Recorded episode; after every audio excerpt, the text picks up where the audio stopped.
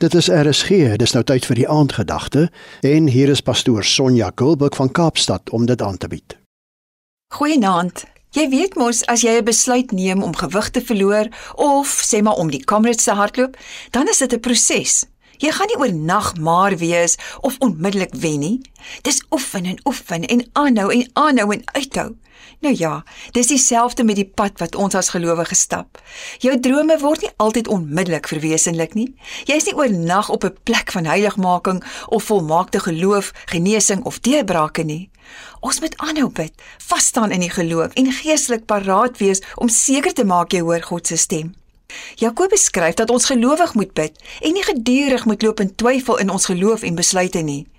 In Jakobus 1 vers 7 en 8 lees ons: So 'n mens wat altyd aan die twyfel is en onbestendig is in al sy doen en late, moet nie dink dat hy iets van die Here sal ontvang nie.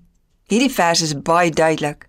As jy besluit het om jou hart vir Jesus te gee, glo en weet jy is sy kind.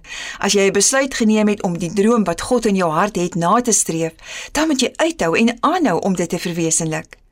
Jy moet weet dat die duiwel verseker sal probeer om jou daarvan te laat afsien. Daarom is dit nodig dat jy nie besluite neem op grond van hoe jy voel nie. Want as jy kwaad, moedeloos, bang of depressief is, gaan jy nie goeie besluite kan neem nie. So moenie oorhaastig wees nie.